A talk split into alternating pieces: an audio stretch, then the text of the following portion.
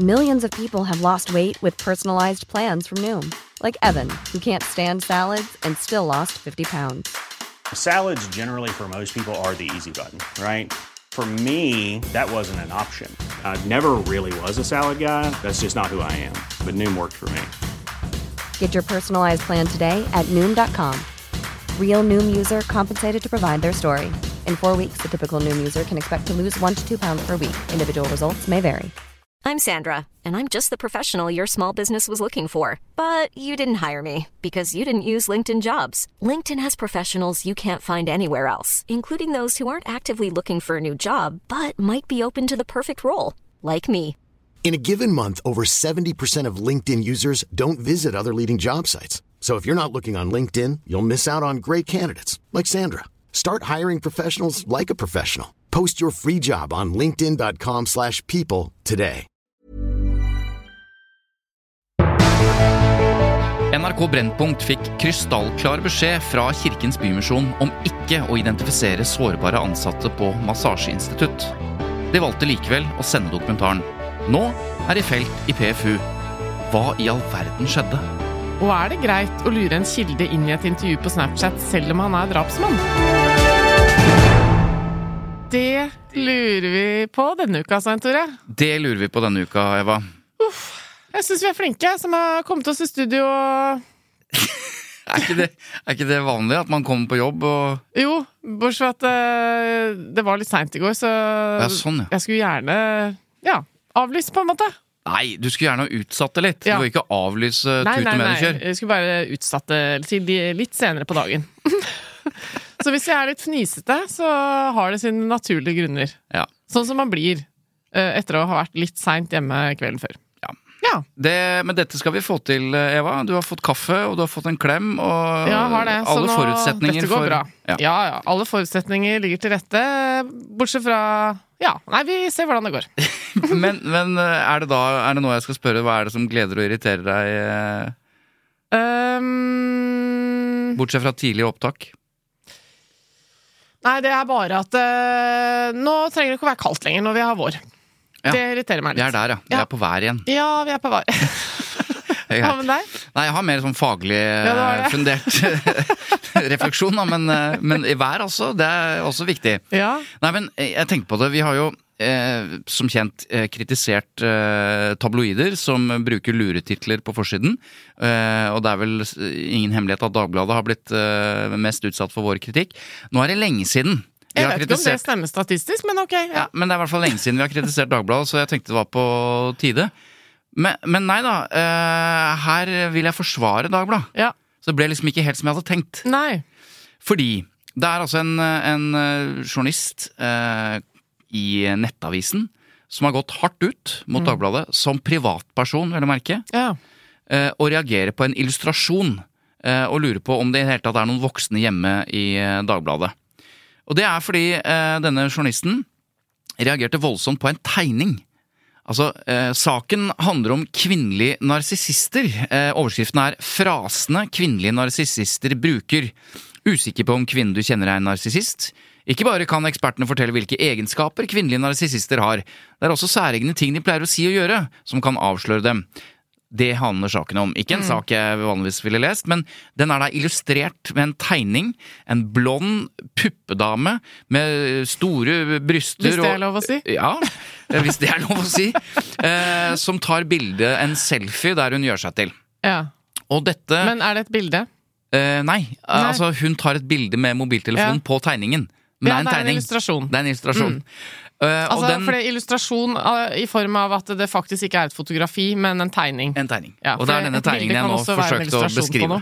Så nå bare kverulerer jeg for å kverulere. Men i hvert fall, denne journalisten i Nettavisen sier at det, det er ikke ofte hun eh, blir så irritert og provosert og skjelven samtidig. Eh, som ung kvinne selv så føler jeg det er så drøyt, eh, og jeg får ikke lyst til å kjøpe Dagbladet.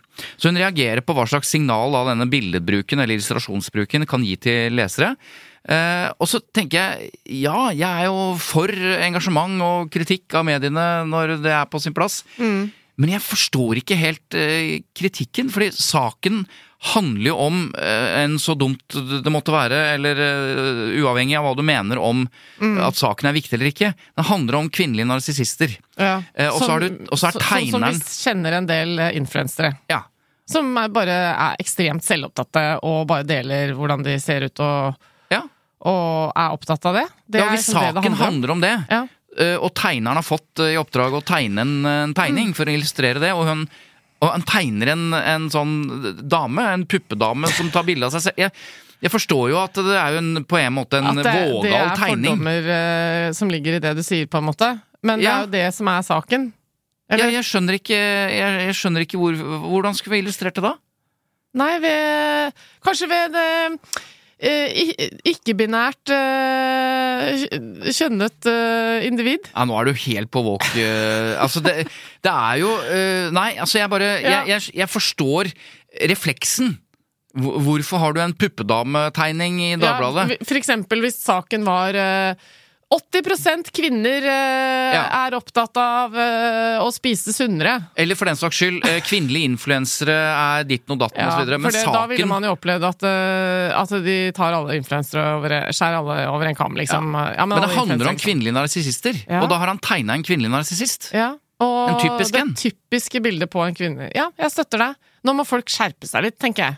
Dette må være greit. Det sier vi helt til vi, vi kritiserer Dagbladet for, for nå får annet. vi sikkert trusler og alt mulig. Ja. Nei, men altså, det er jo ingenting som er lov lenger. Er det så farlig, da? Så lenge det er relevant for saken, så må det være greit å, å bruke, hva skal jeg si, eh, stereotypene. Med fare for at det er et eller annet vi ikke har skjønt. Ja, det er sikkert det, da, men da får dere skrive til oss og be oss om å skjerpe oss. Eh, Vi heier på dere i den saken. Utløste ikke noe tilsvar nå. Vi trenger ikke å hente inn noe tilsvar vi nå, fordi vi mente at eh, hun som kritiserte Dagbladet, Nei, ikke hadde hadde Tore, nå har det vært for seint oppe. Det Ja. trenger vi ikke. Nei. Vi er bare uenige med en som ytrer seg. Ok. Det første vi skal snakke om, eh, før vi skal snakke om eh, NRK-saken, der Ja. Mm. de ble felt i PFU, det er å se bare kort på de andre som ble felt i PFU. Ja. Vi er jo opptatt av presseetikk, og nå denne uka har det vært møte i dette såkalte Pressens faglige utvalg. Riktig! Da var du kjapp! Der har du sittet i 14 år. Det har jeg, vet du. Ja. Skal Men- vi fortelle hva Pressens faglige eh, utvalg er? Det er jo kanskje noen nye lyttere her nå?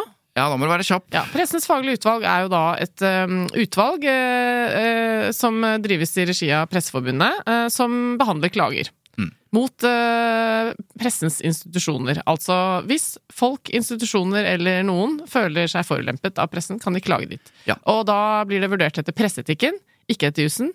Og man eh, får eh, håper å si rett eller galt, men ingen erstatning. Nei. Og presseetikken kort. Kort oppsummert. Og presseetikken eh, er altså Vær varsom-plakaten man da tar utgangspunkt i. Det stemmer. Ok. Ja. Og så er det jo sånn at uh, Dagens Næringsliv uh, ble felt på en sånn uh, Skal vi si en tabbe, en feil, noe de aldri burde gjort. Eh, det var altså en sak om en eh, milliardær. Eh, og de hadde overskriften, eller i hvert fall skrev i saken, at han solgte luksusbiler til eget selskap. Og så sto det men det var kanskje ikke så lurt. Nå risikerer investor Runar Vatne en gigantisk skatteregning. Eh, Og risikoen var da ifølge DN eh, nye skatteregler osv. Men det var feil. Altså rett og slett feil. Han risikerte ikke det. Og så skjønte jo DN det eh, ganske fort, så de rettet opp i, og beklaget i papiravisa dagen etter. Da sånn, I mandagen sto det sånn og sånn. Uh, det, det er ikke riktig. Beklager feilen. Jo, men er ikke det greit, da? Det er ganske rett fram, Men hvorfor holder ikke det? Hvorfor blir de felt da når de liksom dagen etter retter opp og beklager og holder på? Det blir eh, felt uh, likevel dersom eh, skaden har skjedd og var stor nok til at man tenker at det, det hjelper ikke å drite seg ut eh, og rette opp hvis, du, hvis det du gjør er ganske graverende for den mm. som rammes. Nettopp. Og det, jo, det skal jo ha en preventiv effekt, ikke sant? At det er ikke bare å ta sjansen og si unnskyld etterpå. Selv om jeg sånn generelt i livet egentlig er litt glad i den holdningen, da. Ja. Det er bedre få tilgivelse enn tillatelse. ja jeg vil, ikke da, anbefale det, men, jo, men det er noe positivt her, og det er det eh, utvalget også sier. Fordi eh, utvalgsmedlemmene sier at eh, her har de gjort et stort poeng på forsiden at han risikerte en gigantregning, og det er på hele forsiden. Ja? Og da hjelper det på en måte ikke nok da, at det rettes opp. Mm. For overtrampet er at det er skrevet en sak med helt feil premisser. Men så sier de også det positive sier Anne Weider Aasen, som er leder i Pressens faglige utvalg, at jeg erkjenner feilen. Eh, og det gjøres ikke noe forsøk på å skjule at dette var en gedigen tabbe. Nei, men det skulle vel bare mangle òg, da. At de ikke prøvde å skjule tabben etterpå. Men jeg forstår logikken. Ja. Så her er det et eh, eklatant eksempel, som det heter.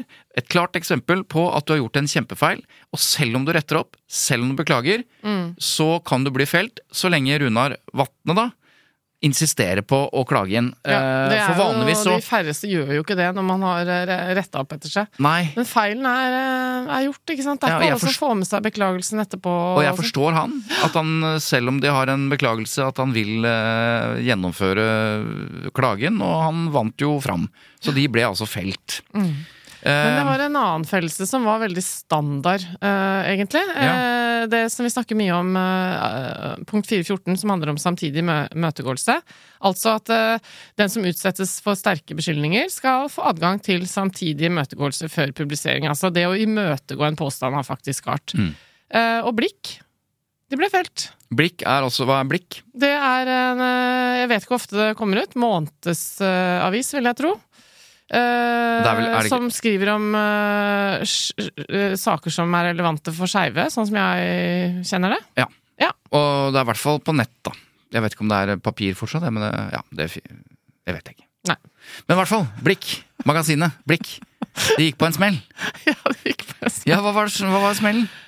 To innlegg eh, fra publikum, altså to leserinnlegg, Mm. ble publisert. Eh, en klager eh, mente at hun burde ha fått rett til å kommentere noen av påstandene som kom i disse innleggene. Ja, og det, var en en litt- veldig betent debatt. Det handlet jo blant annet om, om transhets og transdebatten. Ja, det er jo Det er det som foregår nå. Det er jo ikke Altså, man bør egentlig ikke ta noen innlegg i den debatten hvis man ikke skal ende opp et eller annet sted og bli klaget eller Ja, for den er veldig betent. Ja, det er jo nesten ikke mulig å uttale seg i den debatten uten å få hat eh, fra en av sidene.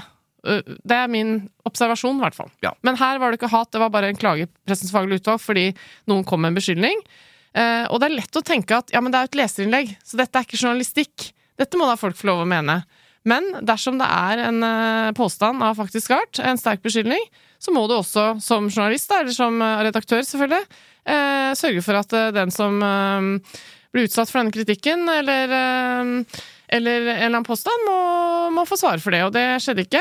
Du må altså innhente samtidig imøtegåelse. Skjedde ikke, da blir, blir de felt. Ja, og det, jeg- det var ikke så mye snakk om dette før. Jeg, jeg kan ikke huske liksom for 20 år siden at, opptatt, at man snakket mye om samtidig imøtegåelse og tilsvar på løpende debatt og Det har vært en del og saker som gjør uh, kronikker ja. osv. Men, men øh, det har jo Men der er jo journalistene blitt mer bevisste, da. Eh, Ikke bevisste nok, men at det gjelder det samme for hele avisa. Ja, det vil si at jeg kan skrive en kronikk og sende til VG hvor jeg sier at eh, jeg syns Svein Tore er en eh, drittsekk. Ja. Det er helt greit. Da trenger ikke du ringe deg. Men hvis jeg De kommer sier nok til å ringe meg likevel, allikevel, men de må ikke. Ja, antageligvis, ja. Eh, Men jeg kan ikke skrive Svein Tore snyter på skatten uh, uten at de tar kontakt, for det må de sjekke. Jeg kan ikke bare påstå det. Mm. Skjønner du forskjellen? Ja, eh, Forskjellen gjelder bare faktasjekken som utløses da, 3-2. Mm, Men det utløses også samtidig imøtegåelse. De kan ikke sette det, innlegget, det dustete innlegget ditt på trykk uten at jeg har en, en eller annen måte kommer til orde på samme, Mm. på samme tid. Men Eva, det, det trenger ikke bare være at jeg snyter på skatten. Det kan jo også være eh, en At jeg påstand påstår at uh, det at vi uh, Det er isfront mellom Sandum og Bergestuen, uh, er fordi Bergestuen har gjort noe. Ja, For det er jo en faktisk opplysning, Ja, selv om det ikke Da må de også sjekke med deg, stemmer det det Eva sier? Vi Antageligvis sette- ikke. Antageligvis ikke. Ok, eh, før vi forlater eh, altså den hardcore presseetikken eh, og går inn i, i denne NRK-saken, som også er hardcore presseetikk, men bare Jeg har lyst til å nevne én sak til som har vært mye debattert i pressekretser denne uka. Og det er at en redaktør, ansvarlig redaktør i Rana Blad, hun har fått masse kjeft fordi hun eier aksjer i et eh, stort selskap som har etablert seg eh, oppe i Mo i Rana, nemlig Freyr, denne batteriselskapet. Eh, hun mente at det var så få aksjer, og de var så lite verdt. Altså Det var nærmest bare symbolsk verdi. Det var noen tusenlapper knapt, og en av aksjene var i null osv. Så, videre. eh, så hun så ikke helt problemet med å være ansvarlig redaktør og samtidig ha aksjer i et selskap som avisen eh, og et selskap som avisen åpenbart vil omtale. Eh, og hun har selv omtalt selskapet på, på lederplass eller på kommentarplass. Og da fyrte pressetoppene og de prinsipprytterne seg veldig opp, fordi dette går ikke. Dette går på, på at du må sant, Integritet og alt dette her. Altså, redaktører og journalister skal ikke ha interesser i mm. verken eierinteresser eller personinteresser i, i selskaper eller, eller, organisasjoner som de skal omtale.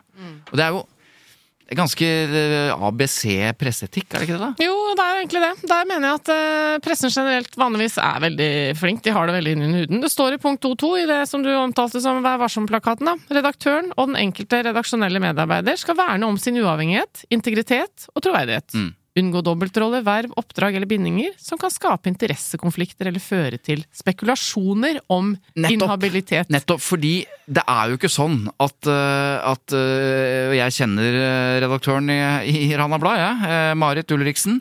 Jeg, det er jo ikke sånn at hun endrer sin journalistikk eller sin kommentar basert på at hun har aksjer til Nei, en verdi av det, 99 kroner. Men det nytter ikke å si ja, men det ville jeg aldri gjort, osv. Når det kommer til habilitet, da mm. så handler det jo alltid om at du skal unngå og at folk skal kunne være redd for at du ikke klarer å ja.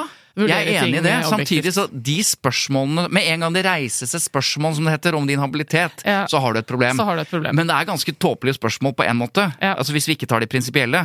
Det å antyde at hun skulle endre sin journalistikk som følge av 400 kroner, mm. er helt Det er jo en grunn til at man har grense på gaver, f.eks. At gaver over 10 000 eller 7000 eller noe sånt, da er, da er, det sånn at du kanskje blir påvirket av det, for da er det såpass mange tusen kroner. Ja. Hvis du har det samme på Fordi du vil helst ha den gaven neste år òg. Så ja. du vil unngå å skrive noe kjipt om Men hvis du blir påspandert en kaffekopp av noen, ja ikke betaler den regningen selv, og den kaffen er jo jævlig dyr i Oslo, da, så la oss si den koster 79 kroner, ja. så er det ingen som ville stille spørsmål ved habiliteten din for å ta imot en kaffekopp på 79 kroner. Men det er noen institusjoner, spesielt eh, blant de offentlige, da, som uh, har så strenge regler at jeg noen ganger reagerer på hvor nøye folk er. Jo, jo. Men, ja. men hvis sjefredaktøren i Rana Blad hadde blitt påspandert noe ja. for 150 kroner, så hadde ingen stilt spørsmål med det. Nei. Men verdien av aksjene er 150 mm. kroner, da er det plutselig et jævlig stort problem. Unnskyld. Nei, er, veldig stort problem. Ja. Så, eh, så, på en måte så skjønner jeg henne, men samtidig så er det bare det at du skal ikke eie aksjer i selskaper du skriver om uansett. Kanskje du bare liksom. fikk det i konfirmasjonsgave eller noe sånt en gang for 100 år siden, da? Jeg, da, jeg har kanskje noen aksjer i noe greier som jeg ikke vet om. Men jeg har lyst til å, eh, jeg er mulig jeg har sagt det før, men det er et pressejournalisttriks her også som er viktig. Okay. Fordi flere næringslivsjournalister i Norge har kjøpt det minste antall aksjer du kan kjøpe, av og til én aksje, mm. i et selskap mm. som de dekker. Hvorfor gjør de det? Ikke, setter de seg ikke selv da i en veldig vanskelig situasjon? Næringslivsjournalister mm. som dekker Aker, mm. Kverner som det het mm. før, mm. har én aksje der mens de dekker. Har de det? Ja. ja. Nei, nå er jeg usikker på Hva kan grunnen være til at de har kjøpt aksjer i et selskap de dekker? Uh, ja, hva kan det Nå Hva skjer når du har en aksje, og uh, hva, hva, skjer da med Ja, ikke sant. Du, må, du får mulighet til å være på generalforsamlingen. Nettopp! Ja. For det er generalforsamlinger og møter i selskap... Nei, nei, jeg syns du var kjapp, jeg. Ja. Alt tatt i betraktning. Nei, men altså, det gjør at du får innsikt. Ja, som eier. Eh, og eh, det dette, gøy. Ja, det dette brukes gøy. av og til nettopp av den grunn, for ja. det er ikke noen annen måte å komme inn på. Ja, ja vel, eh, kjøper en aksje, kommer på generalforsamling. Mm. Og det liker jo ikke disse selskapene, at journalistene sniker seg inn på den måten. Ikke forskjell på folk. Men, eh, og da var det jeg tenkte litt Forskjellen her er at Marit Ulriksen har ikke én aksje i Freyr for å komme på generalforsamlingen. Hun har bare en aksje altså Det er ikke, i hvert fall ikke det som er forklaring på hvorfor hun har en aksje. Hadde, hun, hadde, det vært det, så kunne hun på en måte sagt som andre journalister at jeg gjør dette av den grunn. Det er en journalistisk metode jeg bruker her. Ja. Men det er ikke grunnen. Og da endte hun opp med, etter masse kritikk Først så forsvarte hun det. Og så sier hun at eh, jeg har hele tiden vurdert det slik at denne symbolske eierandelen ikke har vært problematisk, verken for meg som redaktør eller for redaksjonen. Imidlertid ser jeg at enkelte andre vurderer dette annerledes, og med det velger å trekke mine og Rana Blad sine intensjoner i tvil. Det er en kritikk som jeg på egen og spesielt på Rana Blads vegne ikke kan overse. Så for å gjøre det enkelt for alle interesserte, så har jeg derfor solgt aksjene. Ja. Det, er det, det, det, det endte jo med det. Fikk seg dobbel eh, latte hun da for den summen. Knapt. Ja. Ok, nå skal vi til eh, en sak som jeg syns er veldig alvorlig. ja. Og det er eh, NRK Brennpunkt, eh, som hadde en eh, dokumentar som handlet om sexsalg ved massasjeinstitutter i Norge, spesielt da i Bergen. Ja, det var den saken som også fikk ganske stor oppmerksomhet i nyhetsspaltene, husker jeg. Eh, For kanskje et par-tre måneder siden. Og, ja, og det som er spesielt for denne saken, er at de har jo samarbeidet med Kirkens Bymisjon, som jobber tett med disse kvinnene som jobber på disse massasjeinstituttene. Og Kirkens Bymisjon var veldig, veldig eh, tydelig på hva som var fellene som NRK kunne gå i her, rent presseetisk. De var veldig opptatt av disse kvinnenes sikkerhet, eh, anonymitet eh, osv. Så, videre. så de var i dialog med NRK. Men det hjalp ikke. Og vi skal høre eh, hva som egentlig skjedde på bakrommet før denne dokumentaren gikk eh, på lufta. Ja. For hun som er avdelingsleder i eh, Kirkens Bymisjon, Kristine Moskvil Thorsen, hun snakket jeg med, eh, og hun forteller hvor hardt de jobbet for å ivareta disse damene i dialog med NRK. Ja, det var jo vel eh, på en måte rett helt opp til publisering kvelden før at jeg hadde fikk tilgang til, eller da var jeg ganske tydelig på at jeg, jeg må nesten se dette materialet før det publiseres. Og ellers så er jeg usikker på om vi vil eh, være med. på en måte. Og vi, vi hadde jo en rolle også i selve dokumentaren. og da da gikk det jo opp for meg eh, helheten, eh, og, og kjente det enormt sterke ubehaget knyttet til særlig graden av identifisering av helt konkrete individer. Eh, og, det gikk da veldig opp for meg at dette her vil være utrolig belastende. eh, og rett og slett eh, helt eh, fellende for veldig mange av de personene i dette miljøet. Fordi at graden av identifikasjon var så, eh, ja, så sterk. Da. Eh, og det, da så vi jo oss da, da valgte vi jo å gå veldig tydelig ut. Også fordi at vi nå er vi knyttet opp til og assosiert og, og eh, involvert i en dokumentar som, som gjør det veldig vanskelig for veldig mange av disse personene å gå på jobb i morgen eller å møte dagen sin. Og, og det har vi jo også erfart i ettertid. Um, så der hadde vi jo på en måte rett i alt det som vi advarte om rett opp til publisering og ved publisering. Det har jo skjedd. Så Det er jo derfor jeg i går var tydelig på at vi er veldig glad for en eh, fellelse av NRK eh, men, eh, i denne saken. Men, men skaden er jo skjedd, og vi er jo fortvila på, på vegne av miljøet. Altså, Veldig mange av kvinnene har jo, uttrykker jo at de eh, er altså at dette har vært veldig belastende. I den første fasen var det mange som sa at jeg orker ikke å gå ut. Alle eh, ser på meg, folk går forbi eh, butikken min og tar bilder med kamera. Noen beskrev jo veldig sånn ja, altså, Folk hadde lagt avføring på trappa, det var hærverk på et par av salongene. eh, og generelt eh, på en måte et trykk i sosiale medier på, på eh, med mye trakassering, rett og slett. Sånn at Det er jo den biten av det som, som kanskje smerter mest å, å høre om. Og så er det jo de litt dypere nivåene som går på at jo, kundegrunnlaget forsvant jo fra den ene dagen til den andre. ikke sant? Fordi at dette fikk jo da den oppmerksomheten på det nivået at, at man, man ville jo ikke gå til en massasjesalong etter, etter at dette ble publisert. Så da hadde de jo heller ikke inntekt. Så det er jo flere som har måttet legge ned. og og, og stresser veldig med den økonomiske situasjonen, som for de aller fleste her er ganske pressa. Da.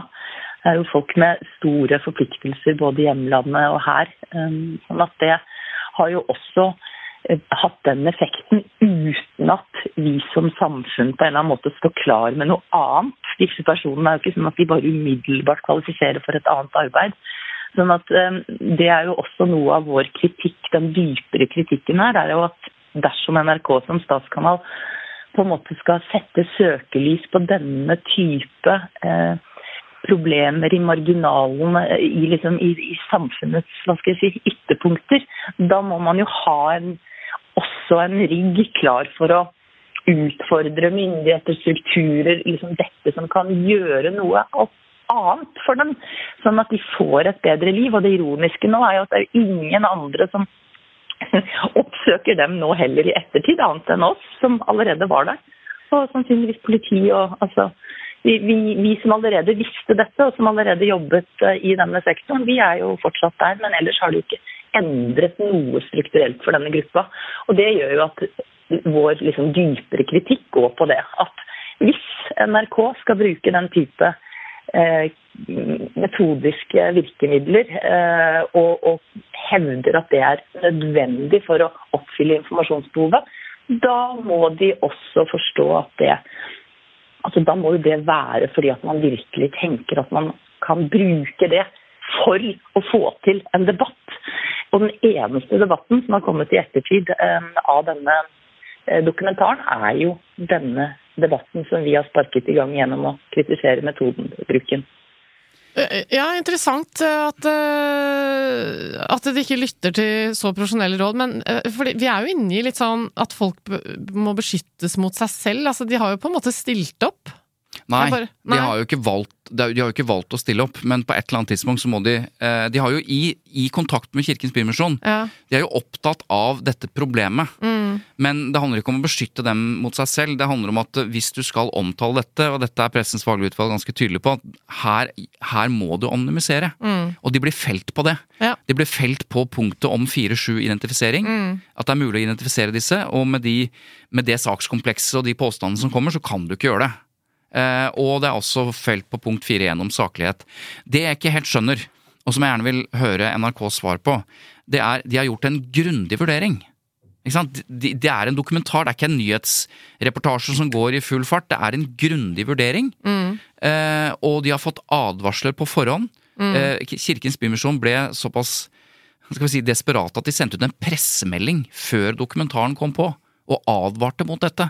Så NRK har gjort en grundig vurdering, fått mange advarsler. Mm. Allikevel så lander de på å kjøre. Mm. Og så blir de felt, så mm. det synger. Mm. Så, så, det er det Her er det Og dette illustrerer kanskje hvor vanskelig presseetikken av og til er, da. Absolutt. Når det gjelder identifisering osv.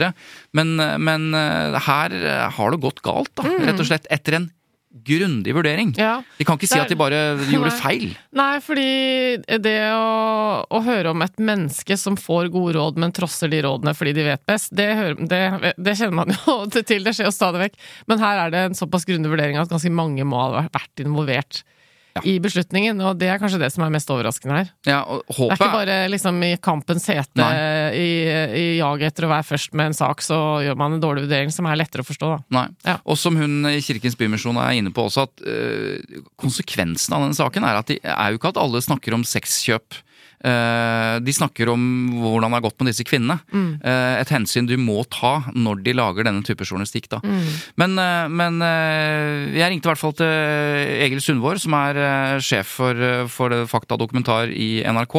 Han vil jo ta lærdom av dette, selvfølgelig. Det må man jo når man har blitt felt. Mm. Men her er hans versjon på hvorfor de, tross advarsler, likevel valgte å gjøre dette på denne måten. Nei, eh, den er jo veldig klar. Eh, det er et brudd på, på presseetikken, og det er på punkt 4-7. Eh, og jeg har forståelse for at utvalget falt ned på det, at det er for mange identifiserende opplysninger. Men vi merker oss jo også at Pressens faglige utvalg ikke feller oss på bruk av skyldskamera. Men det er kanskje det viktigste, og det som presseetisk feil eller ikke blir underkommunisert, eller iallfall eh, ikke skaper den debatten vi ønsker, er jo eh, at det er, stor, det er, en stor utfordring i thaimassasjesalongene. Fordi veldig mange, 75 uh, eh, selger sex under eh, dekke av thaimassasje. Og Det som er en utfordring der, er at det er mange sterke kvinner som også utnytter kvinner. Så jeg tenker at journalistikken eh, og eh, vesentligheten rundt journalistikken er viktig å få belyst. Men så bryter vi Vær varsom-plakaten på 4-7, og det har vi forståelse for. Der må jo vi gå i oss sjøl og se på hvordan er det vi kan eh, Vi skal unngå tilsvarende situasjoner i framtida. Og så har vi jo, eh, det må vi jo kunne si, at vi har da ikke forstått godt nok eh, at eh, det er en sårbar gruppe som krever en ytterligere vurdering rundt anonymisering. Så for oss er det god læring og en ordentlig smekk på fingra for, for mange identifiserende opplysninger som gjør at det er disse klagerne her som opplever seg gjenkjent, eller du kan iallfall identifisere dem ut ifra gatebildet. Eh, og eh, potensielt sett eh, få noe klesdrakt, noe ganglag. Ja. Jeg må spørre bare, Egil, fordi de fleste presseetiske brudd, alt fra manglende samtidig imøtegåelse, tilsvarsrett osv., veldig mange er jo tabber, eh, feil begått, eh, ofte i, eh, ja, i en travel presseetisk hverdag. Dere skriver og har sagt at dere gjorde en grundig vurdering. Mm. Samtidig som det ble Altså de som kjenner dette miljøet best, Kirkens Bymisjon, advarte på det sterkeste mot den klippen som dere hadde ferdig. Så her er det åpenbart gjort liksom nøye vurderinger. Det er ikke gjort noe i hurten og styrten. Eh, dere har gjort det nøye, dere har gjort en vurdering, og så blir dere felt.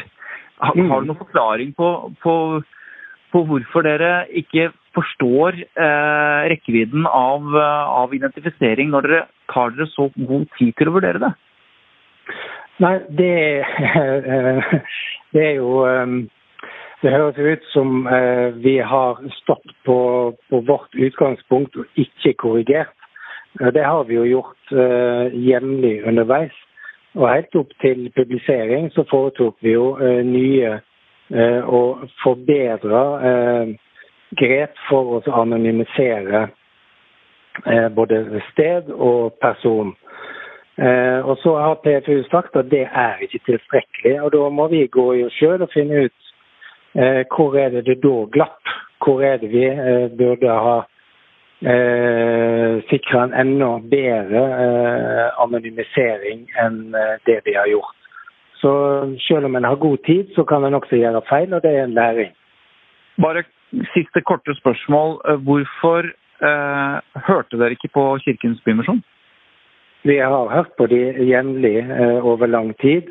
Og de var også invitert inn Eh, like før eh, publisering eh, for å se igjennom og komme med innspill på at det, vi burde ytterligere anonymisere, noe vi også gjorde.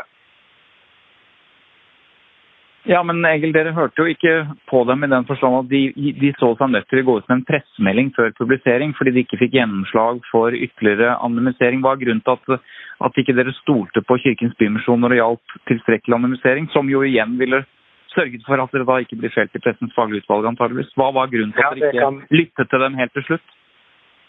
Eh, vår opplevelse er at vi har lytta til dem helt til slutt. Og så har vi da eh, vært uenige i graden av anonymisering.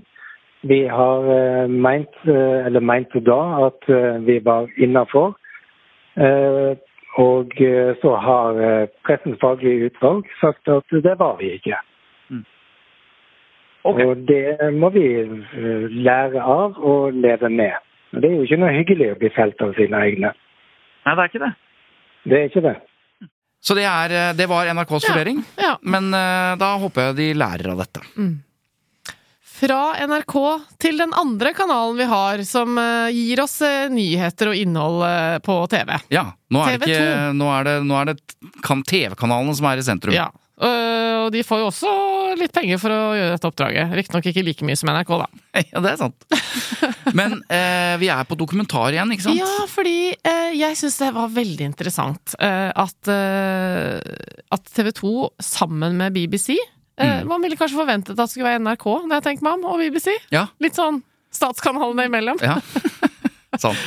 Men en samproduksjon, da. En samproduksjon eh, om eh, da eh, drapet på eh, Martine Wiik Magnussen. Vi har jo eh, blitt eksponert for en god del god journalistikk rundt eh, dette drapet som skjedde for Jeg lurer på om det er 15 år siden. Mm. Eh, jeg har hørt noen podkaster, det har vært noe, noen andre TV-serier også, men nå har det altså kommet en en ny eh, TV-serie som heter Martine siste kapittel, og den ligger da ute allerede på, for de som driver med strømming og slikt. Som har helt nye opplysninger. Fordi journalisten som da jobber i BBC eh, i eh, England, Naval al-Maghafi, hun viser journalistisk teft på høyeste nivå, eh, har jeg lest at det blir omtalt som i denne dokumentaren her. Altså, hun bruker eh, de metodene som er svært kontroversielle, da, nemlig det å ikke gi seg til kjenne som journalist i starten for å få kontakt med en viktig kilde. Mm. Og dette er jo et veldig vanskelig presseetisk eh, spørsmål. Ja. Fordi noen ganger så skjønner man jo det at eh, ok, for å komme innafor døra et sted, så må du liksom snike deg litt inn. Eh, før du liksom virkelig begynner å stille spørsmålene, da må du ifølge presseetikken eh, ja, informere om uh, hva, hvorfor du er der, og hva du ønsker å få vite, osv. Dette er jo et uh, sånn helt grunnleggende eh, etisk prinsipp. Du må gjøre premissene klare for den du skal intervjue. Altså, det betyr hvem du er, hva du har å fore, hva er det du skal, hvorfor har du oppsøkt, osv. Alt dette, er jo, dette må du gjøre i vanlig journalistikk. Det som skjedde, var at journalisten som har vært interessert i denne saken om drapet på Martine Wiik Magnussen, Um, har vært interessert i den lenge, og etter hvert på en eller annen måte fått uh, vite hva som er uh, Farouk, altså den antatte drapsmannen, som, uh, som alle eh, Alle bevisene peker mot Ja. han. Ja. Journalisten har jo da fått kontakt på Snapchat eh, med den antatte drapsmannen. Driver og chatter. For, I begynnelsen eh, vet ikke han hvem hun er. Og, så, og etter hvert så sitter de i en uh, situasjon i redaksjonen på BBC hvor de faktisk Og det er litt interessant at vi får se det som seer, da. At de sitter og vurderer. Ikke sant? Og journalisten selv skjønner at uh, hvis jeg nå avslører at jeg er journalist, så vil sannsynligvis Farouk, for de har kommet dit at de er ganske sikre på at det er han. De er jo litt usikre, for han har ikke, han har ikke villet sende bilde og sånn, men han kaller seg Farouk og sånn, så etter hvert så begynner han å forklare om denne hendelsen, da. For han eh, på eget initiativ begynner å snakke om at jeg kan ikke dra til England fordi det, noe skjedde for 15 år siden. Hør her på den eh, trykka stemningen som er når de sitter og vurderer om hun faktisk skal gi seg til kjenne overfor Farouk. And then he was like, But I want you to understand that 90% of what you've read on the news isn't true about me. And if you ask me any question, I'll answer it. I started asking him if he could send me a picture of himself. And he'd never send me a picture. And then I pushed him and pushed him, and then suddenly he sent me a picture of his eyes, and they were exactly like Farouk's eyes, like from the pictures that we've seen in the magazines and stuff. And so that really kind of confirmed that it was him. But the question is can I secretly record our conversations? Because if I ask him right now for an on the record interview, he'll probably shut down. And then if I carry this on, he might tell me what happened that night. whatever you film ought to be moving things forward. So it ought to be, you know, proving the the, the wrongdoing that you want to expose, or giving you sort of information that is, you know, substantive to the to the case. And you may have to talk about other things to to sort of get him to feel relaxed. Yeah. It's really about because secret filming is set up to catch somebody's behavior that is breaking the law or is in the public interest to expose. Så sitter du og vurderer, eh, og hun har jo ikke lyst. eh, Fordi hun vet at hun eh, risikerer å miste han som kilde. Og så har hun samtidig masse kontakt med faren til Martine Wiik Magnussen. Som selvfølgelig, for første gang siden hans datter ble drept, er i ferd med å få høre versjonen til en antatt drapsmann. Ja, for det kan vi jo avsløre, at det, og det har stått masse om i nyhetene, at han tar på seg skylda for å ha forvoldt hennes død. Ja. Og så, så, så, så det er den første gangen Han snakker for første gang Ja. offentlig, egentlig, da, om den natta eh, da Martine døde. Men eh, vi kan høre hva faktasjefen og dokumentarsjefen i eh, TV 2, Ida Ja. Kallheim, eh, hvordan hun eh, forklarer hvorfor i denne samproduksjonen de bruker dette presseetisk problematiske virkemidlet, men som man kanskje må gjøre da, i dette tilfellet her. Altså Først og fremst så handler jo denne, denne historien om å forsøke å komme i kontakt med en person som, som, eh, som har skjult seg for eh, både offentligheten og rettssystemet i, i 15 år, og som etter eh, i hvert fall alt det vi har hørt og, og også sett av dokumentasjon, er drapsmannen eh, til Martine Wiik Magnussen. Eh, derfor har jo jakten på og det å komme i kontakt med han for å høre hans versjon vært viktig. Så det, det som ble, ble gjort av vurderinger der tidlig i produksjonen i BBC-samarbeidet som vi har i denne dokumentarserien, det var at vi ønsket å dokumentere måten også Nawal al-Magshi, som er utenrikskorrespondent i BBC, hvordan hun kom i kontakt med han. Og det gjør hun egentlig på en helt vanlig måte, som enhver både journalist, men også enhver vanlig uten journalistkompetanse kunne gjort. Hun, hun klarte å få tak i telefonnummeret hans. Eh, og søkte opp det, og fikk han opp og la han i kontaktene, og, og fikk han dermed opp i Snapchat på sosiale medier. Eh, hun, ikke, hun hadde ikke en skjult identitet, hun hadde sitt fulle og hele navn. Så Farouk eh, kunne ha eh, søkt opp henne og fått vite hvem hun var. Men den dialogen starta uten at hun sa 'hei, jeg heter' og kommer fra BBC. Den starta ved at de fikk en kontakt, starta en dialog som, som fortsatte over flere uker. Og til slutt så spurte han hva hun drev med. Og da sa hun hva hun gjorde, og hvem hun er. For de som ikke har sett dokumentaren, i det øyeblikket han skjønner hvem hun er, hva skjer da? Nei, da blir det Da blir han jo Da blir han jo Ikke sant? Da skjønner han jo plutselig at eh, eh, Han sier vel også at eh, 'jeg bør jo egentlig ikke snakke med deg'. Eh, eh, ikke sant? Eh, fordi da skjønner han jo at her er han jo på en måte nå eh, i dialog med en journalist som kan, eh, som kan bety at han eh, havner i trøbbel. Sånn, jeg, sånn jeg tolker den uttalelsen hans, da. Eh, så, så, men likevel, det som er det viktige her, er jo at han fortsetter dialogen med henne og har åpenbart et behov for å snakke med henne om hva som også skjedde. Eh, så, og hun er veldig tydelig på å prøve, og presser han også på å få svar. Så det så, det, så det, den etableringen av kontakt da, den har vært viktig for å kunne klare å snakke med ham rett og slett om, om hva som altså, ha, få å høre hans versjon av hva som skjedde. Dette er jo eh, på samme måte som når man bruker skjult identitet. Selv om ikke eh, hun brukte skjult identitet, så var den jo skjult Altså hennes yrke var jo skjult for ham. Eh, Så når man bruker den type virkemidler, så må det være fordi, sier presseetikken, det er ikke noen annen måte Mm. å få avslørt eller få eh, avdekket eh, opplysninger eller, eller saker av Mm. så stor samfunnsmessig betydning. Derfor kan man jo gå helt i den ene enden, det er altså Wallraffing som det heter, etter den gamle tyske journalisten Günther Wallraff, som kledde seg ut som fremmedarbeider og jobbet på fabrikker i Tyskland. Ja, Man ser jo som journalister som infiltrerer miljøer, ikke sant, høyreekstreme eller andre Altså Det Ja. var kanskje vanligere før at du, man skulle lage dokumentar om uh, engelske fotballsupportere, hooligans, og så ble man en del av det og ga seg Ja, aldri og det kalles Wallraffing. Dette er jo ikke det, men det er jo veldig tydelig, selv om TV 2 her sier at jo, jo, men hun var ikke falsk identitet eller skjult identitet. Nei, men for han Ja. eh, så vi, han visste, Hadde han visst at hun var journalist fra, fra Ja. utgangspunktet, så hadde han selvfølgelig ikke innledet denne det, det dialogen. fremsto som en sånn uh, bli kjent-samtale i begynnelsen. Mm. Men så spørsmålet vi stilte innledningsvis, er det greit uh, å få eh, kilder, eller, eller lure kilder uh, via Snapchat eh, til å begynne å prate eh, på denne måten? Eh, selv om de er eh, potensielle drapsmenn? Hvis du er anklaget for å ha drept et menneske, stikke av, uh, vært 15 år uh, i et land som uh, ikke er villig til å utlevere deg for å bli straffeforfulgt, så er svaret ja. Fordi det er et forhold av så stor samfunnsmessig betydning at her kan vi gå nettopp i ytterkanten av det presseetikken tillater. Så, Men det er vanskelig vurdering. Det er vanskelig vurdering, men veldig veldig god dokumentar. Og den gir jo et, et resultat her også, at vi får det som eh, etter alle solmerker er drapsmann, til å eh, ta på seg skylda for, eh, for drapet. Mm.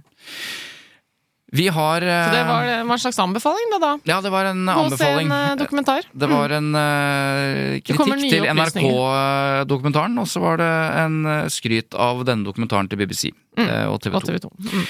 Ok, vi skal avslutte, Eva. Jeg tror vi bare blir enige med at eh, vi kom oss gjennom uh, denne dagen. På et Eh, dette, vis. eh, Dette tut-opptaket. På et vis, ja. Og det ble kanskje kortere, litt eh, mer slurvete. Det beklager vi i så fall.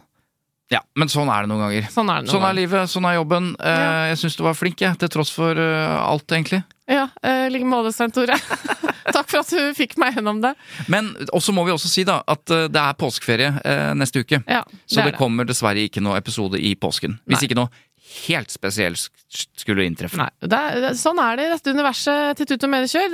Vi vet aldri helt hva som skjer, men eh, vi kan hende vi overrasker dere. Hvis ikke, så, så høres vi om to uker. Jeg vil ikke vedda på den overraskelsen. Nei.